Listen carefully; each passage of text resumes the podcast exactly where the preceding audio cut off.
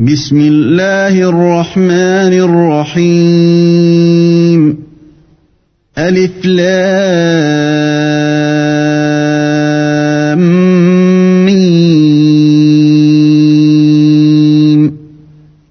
Au nom d'Allah, le tout miséricordieux, le très miséricordieux. Alif, Lam, Mim. غلبت الروم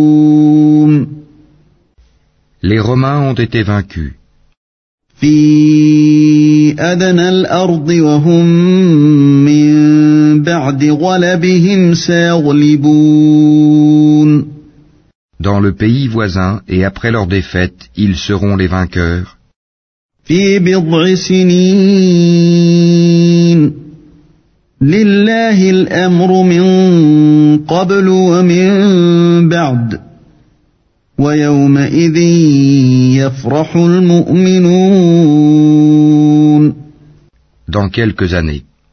À Allah appartient le commandement, au début et à la fin, et ce jour-là les croyants se réjouiront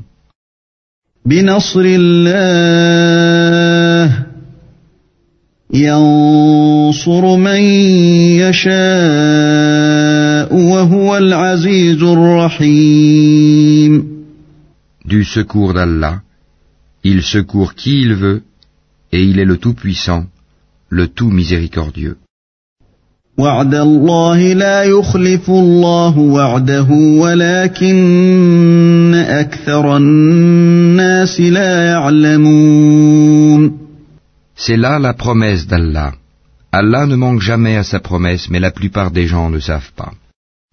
يعلمون ظاهرا من الحياة الدنيا وهم عن الآخرة هم غافلون Ils connaissent un aspect de la vie présente, tandis qu'ils sont inattentifs à l'au-delà. أولم يتفكروا في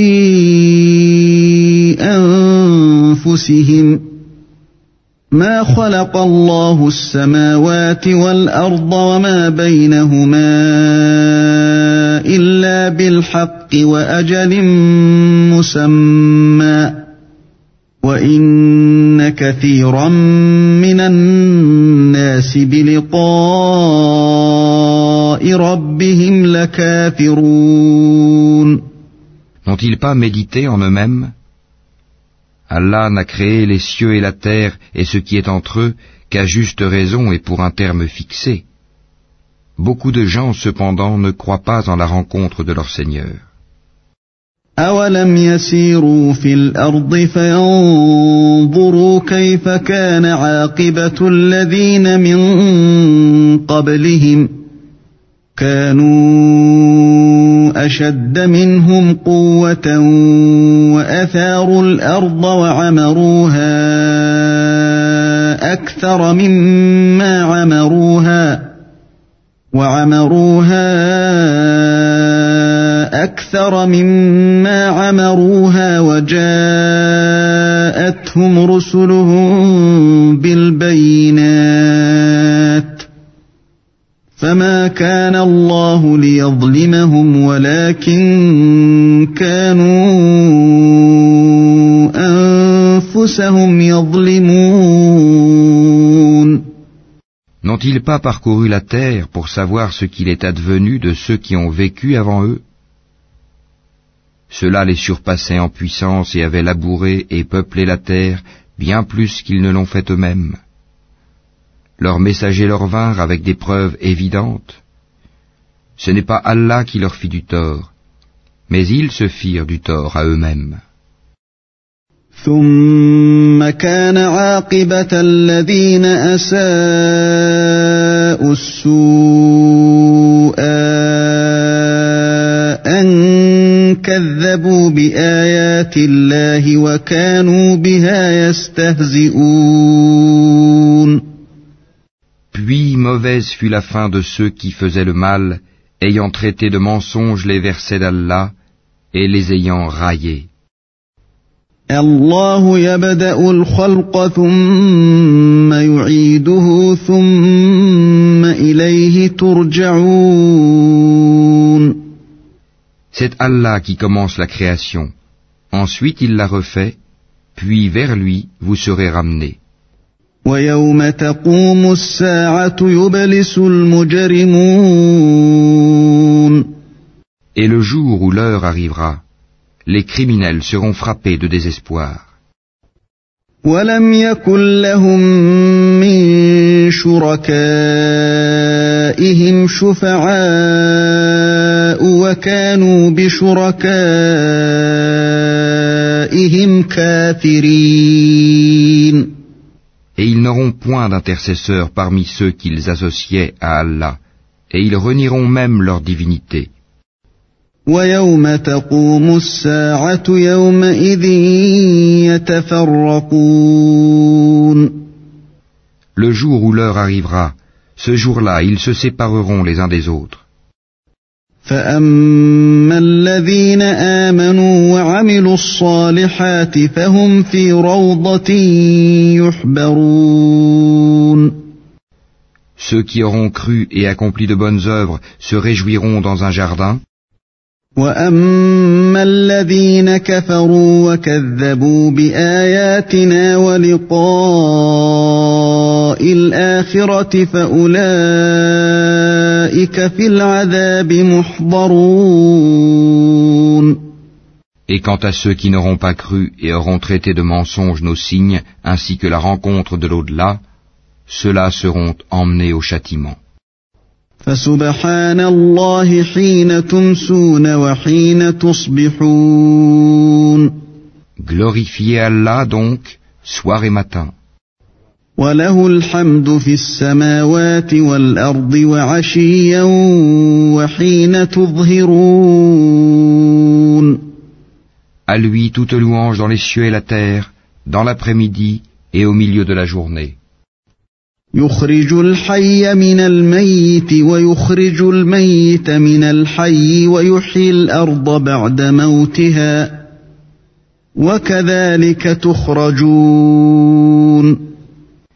Du mort il fait sortir le vivant, et du vivant il fait sortir le mort, et il redonne la vie à la terre après sa mort, et c'est ainsi que l'on vous fera sortir à la résurrection. ومن آياته أن خلقكم من تراب ثم إذا أنتم بشر تنتشرون Parmi ces signes, il vous a créé de terre, puis vous voilà des hommes qui se dispersent dans le monde. ومن آياته أن خلق لكم من أنفسكم أزواجا لتسكنوا إليها وجعل بينكم مودة ورحمة إن في ذلك لآيات لقوم يتفكرون Et parmi ces signes, il a créé de vous, pour vous, des épouses pour que vous viviez en tranquillité avec elles, et il a mis entre vous de l'affection et de la bonté. Il y a en cela des preuves pour des gens qui réfléchissent. ومن آياته خلق السماوات والأرض واختلاف ألسنتكم وألوانكم إن في ذلك لآيات للعالمين Et parmi ces signes, la création des cieux et de la terre, et la variété de vos idiomes et de vos couleurs. Il y a en cela des preuves pour les savants. ومن آياته منامكم بالليل والنهار وابتغاؤكم من فضله إن في ذلك لآيات لقوم يسمعون Et parmi ces signes, votre sommeil la nuit et le jour, et aussi votre quête de sa grâce. Il y a en cela des preuves pour des gens qui entendent. ومن آياته يريكم البرق خوفا وطمعا وينزل من السماء ماء وينزل من السماء ماء فيحيي به الأرض بعد موتها ان في ذلك لايات لقوم يعقلون Et parmi ces signes, il vous montre l'éclair avec crainte de la foudre et espoir de la pluie, et fait descendre du ciel une eau avec laquelle il redonne la vie à la terre après sa mort. Il y a en cela des preuves pour des gens qui raisonnent. ومن آياته أن تقوم السماء والأرض بأمره ثم إذا دعاكم دعوة من الأرض إذا أنتم تخرجون Et parmi ces signes, le ciel et la terre sont maintenus par son ordre. Ensuite, lorsqu'il vous appellera d'un appel, voilà que de la terre vous surgirez.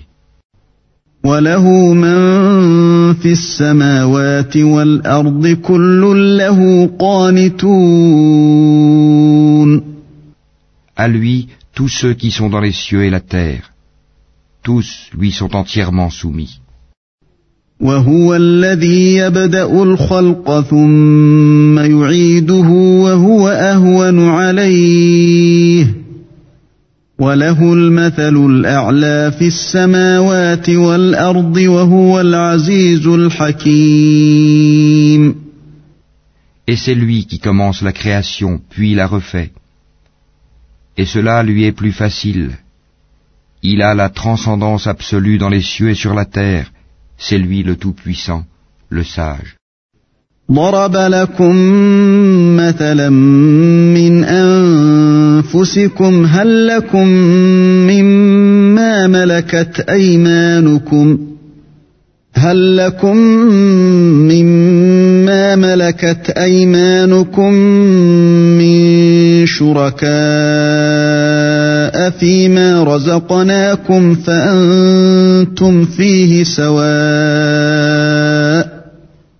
فأنتم فيه سواء تخافونهم كخيفتكم أنفسكم كذلك نفصل الآيات لقوم يعقلون Il vous a cité une parabole de vous-même. Avez-vous associé vos esclaves à ce que nous vous avons attribué, en sorte que vous soyez tous égaux en droit de propriété, et que vous les craigniez autant que vous vous craignez mutuellement? C'est ainsi que nous exposons nos versets pour des gens qui raisonnent.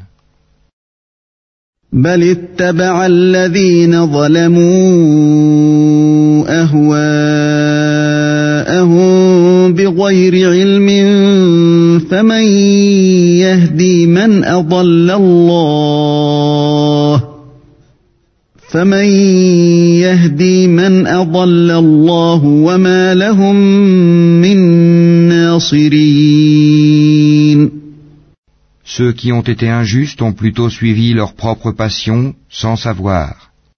Qui donc peut guider celui qu'Allah égare? Et ils n'ont pas pour eux de protecteur.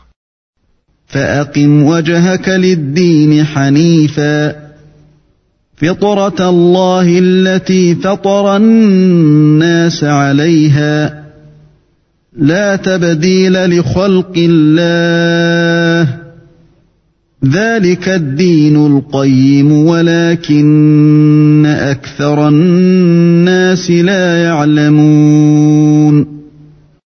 Dirige tout ton être vers la religion exclusivement pour Allah.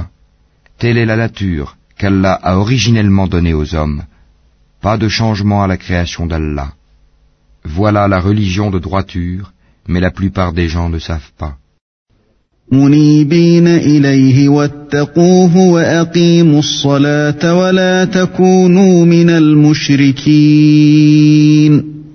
Revenez repentant vers lui. Craignez-le, accomplissez la salate et ne soyez pas parmi les associateurs. من الذين فرقوا دينهم وكانوا شيعا كل حزب بما لديهم فرحون Parmi ceux qui ont divisé leur religion et sont devenus des sectes, chaque parti exultant de ce qu'ils détenaient.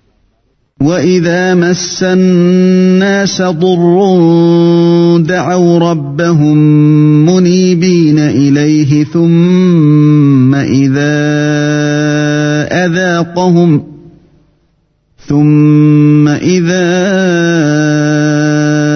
اذاقهم منه رحمه اذا فريق منهم بربهم يشركون quand un mal touche les gens, ils invoquent leur Seigneur en revenant à lui repentant. Puis, s'il leur fait goûter de sa part une miséricorde, voilà qu'une partie d'entre eux donne à leur Seigneur des associés.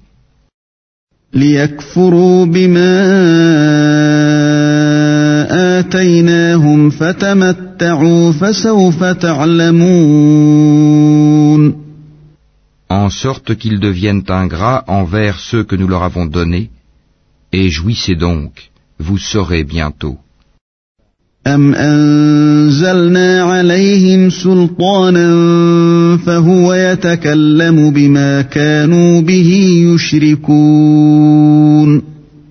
Avons-nous fait descendre sur eux une autorité, un livre, tel qu'elle parle de ce qu'ils lui associaient?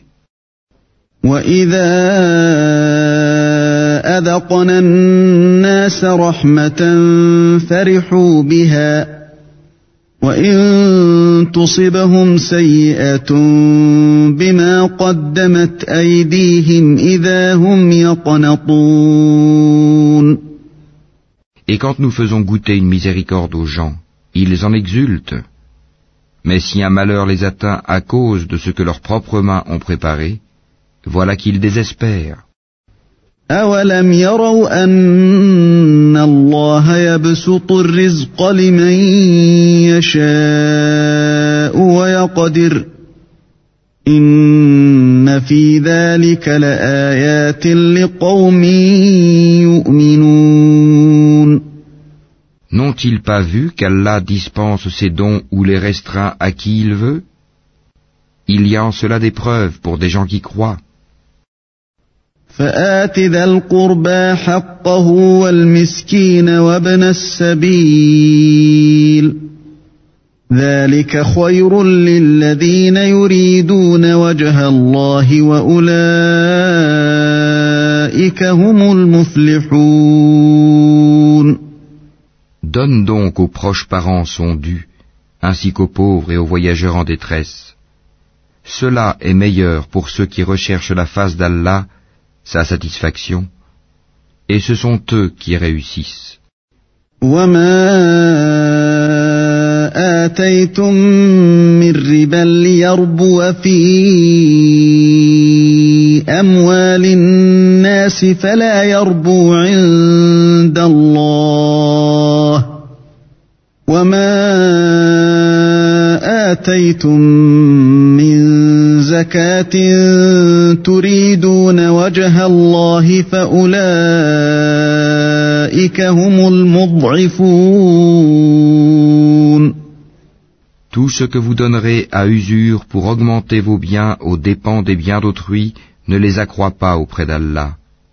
Mais ce que vous donnez comme zakat, tout en cherchant la face d'Allah, sa satisfaction, ceux-là verront leur récompense multipliée.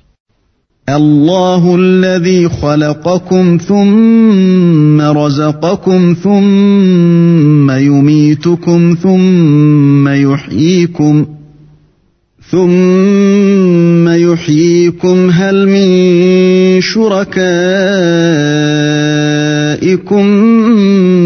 من يفعل من ذلكم من شيء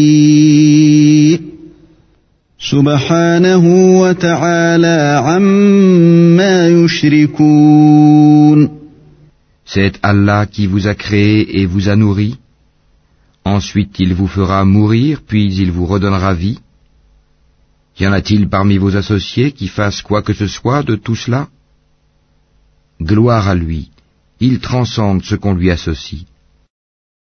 ظهر الفساد في البر والبحر بما كسبت أيدي الناس ليذيقهم بعض الذي عملوا لعلهم يرجعون La corruption est apparue sur la terre et dans la mer à cause de ce que les gens ont accompli de leurs propres mains, afin qu'Allah leur fasse goûter une partie de ce qu'ils ont œuvré.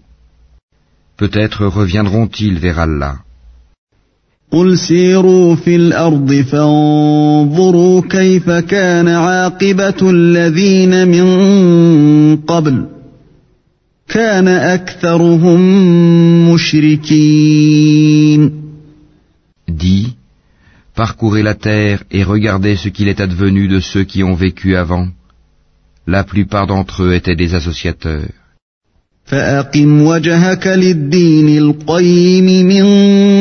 قبل أن يأتي يوم لا مرد له من الله يومئذ يصدعون Dirige tout ton être vers la religion de droiture avant que ne vienne d'Allah un jour qu'on ne peut repousser. Ce jour-là, les gens seront divisés. من كفر فعليه كفره ومن عمل صالحا فلأنفسهم يمهدون Celui qui aura mécru subira les conséquences de son infidélité. Et quiconque aura œuvré en bien, c'est pour eux-mêmes qu'ils préparent leur avenir, ليجزي الذين آمنوا وعملوا الصالحات من فضله إنه لا يحب الكافرين afin qu'Allah récompense par sa grâce ceux qui croient et accomplissent les bonnes œuvres. En vérité, il n'aime pas les infidèles. ومن آياته أن يرسل الرياح مبشرات وليذيقكم من رحمته وليذيقكم من رحمته ولتجري الفلك بأمره ولتبتغوا من فضله ولعلكم تشكرون Parmi ces signes, il envoie les vents comme annonciateurs, pour vous faire goûter de sa miséricorde et pour que le vaisseau vogue par son ordre et que vous recherchiez de sa grâce. Peut-être seriez-vous reconnaissant. ولقد أرسلنا من قبلك رسلا إلى قومهم فجاءوهم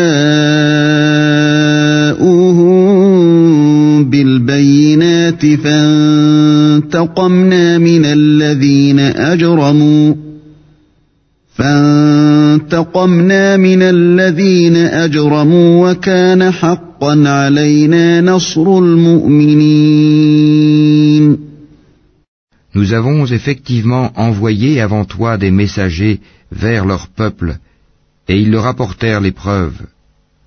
Nous nous vengeâmes de ceux qui commirent les crimes de la négation, et c'était notre devoir de secourir les croyants.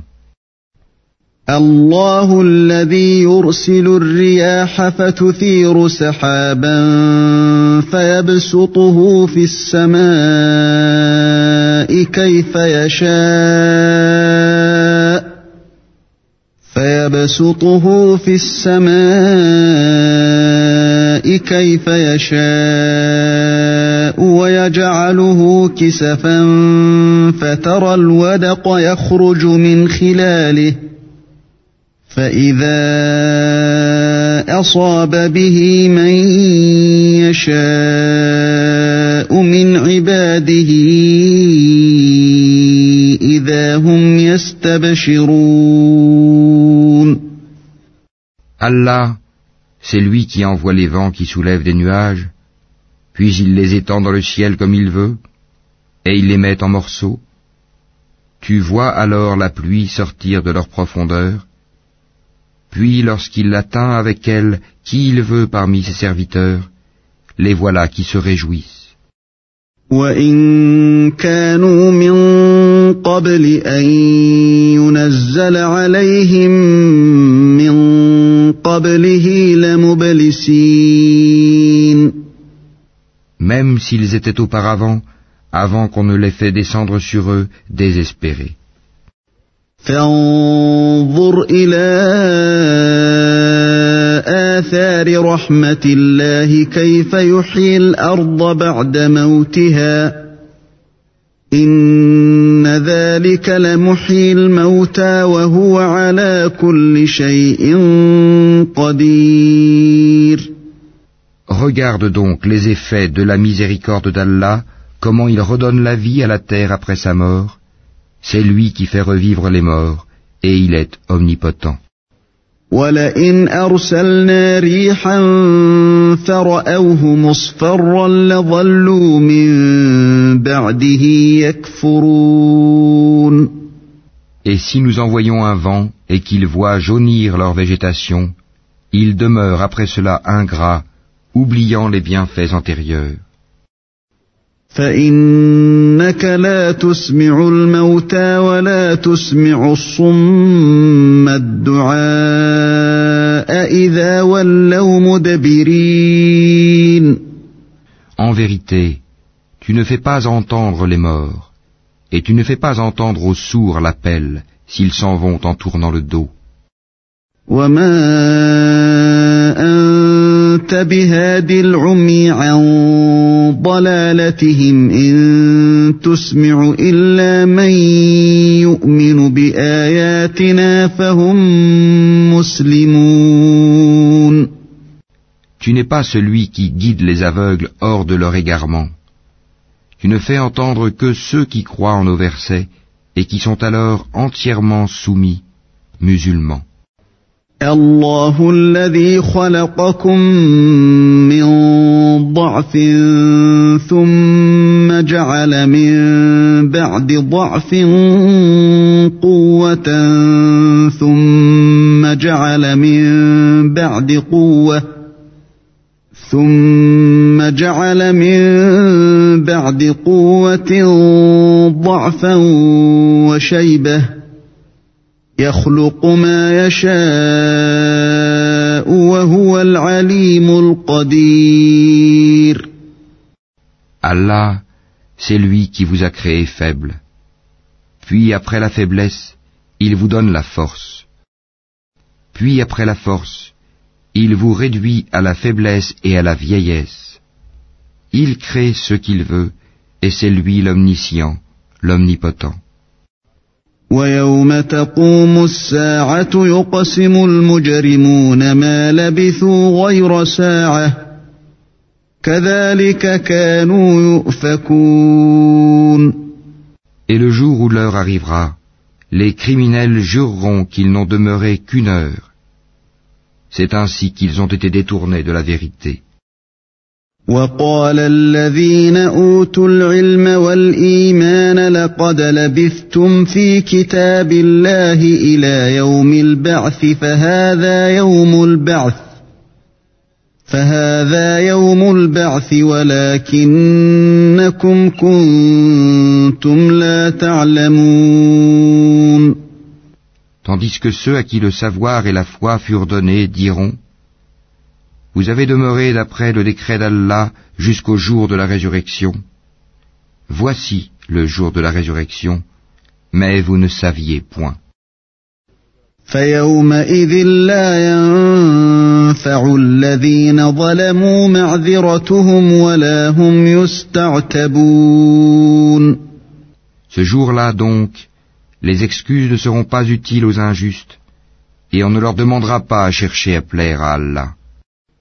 ولقد ضربنا للناس في هذا القرآن من كل مثل ولئن جئتهم بآية ليقولن الذين كفروا إن أنتم إلا مبطلون Et dans ce Coran, nous avons certes cité pour les gens des exemples de toutes sortes.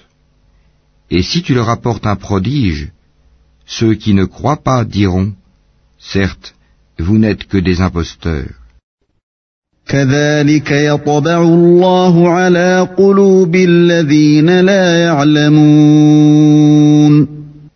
C'est ainsi qu'Allah scelle les cœurs de ceux qui ne savent pas. فاصبر إن وعد الله حق ولا يستخفنك الذين لا يوقنون Sois donc patient, car la promesse d'Allah est vérité, et que ceux qui ne croient pas fermement ne t'ébranlent pas.